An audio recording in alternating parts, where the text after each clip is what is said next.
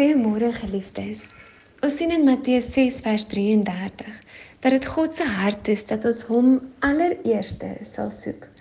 Nie dat hy weggeraak het nie, maar te midde van al ons doen en late raak ons gedagtes weggedraai van hom en mors ons eintlik baie tyd deur hom nie eerste om hulp te vra nie.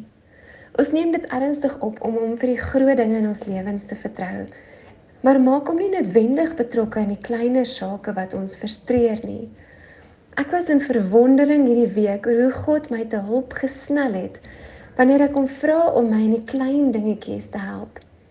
Uit 'n perspektief van intimiteit waaroor God hierdie week met ons gesels, is dit te verstaan dat hy ons elkeen se eerste go-to persoon wil wees. Ons is vir hom so belangrik dat hy wil dat ons eers na hom toe sal kom. Hy wil dat ons met alles eers na hom toe sal kom uit 'n plek van vreugde om ons eerste go-to persoon te wees. Wat 'n wonderbare lewe sal ons nie geniet as ons altyd eers na hom toe gaan nie. Ek wil jou uitdaag om hom eers te soek en te sien hoe hy sy genade vir jou uitstort uit 'n oop deur van liefde waar hy ons met alles wil help. En dan, wanneer ons hom soek, beloof hy om ook alles anders vir ons in plek te stel. Wat 'n wonderlike God het ek nie, het jy nie. Ek bid dit vir jou in die naam van Jesus Christus. Amen.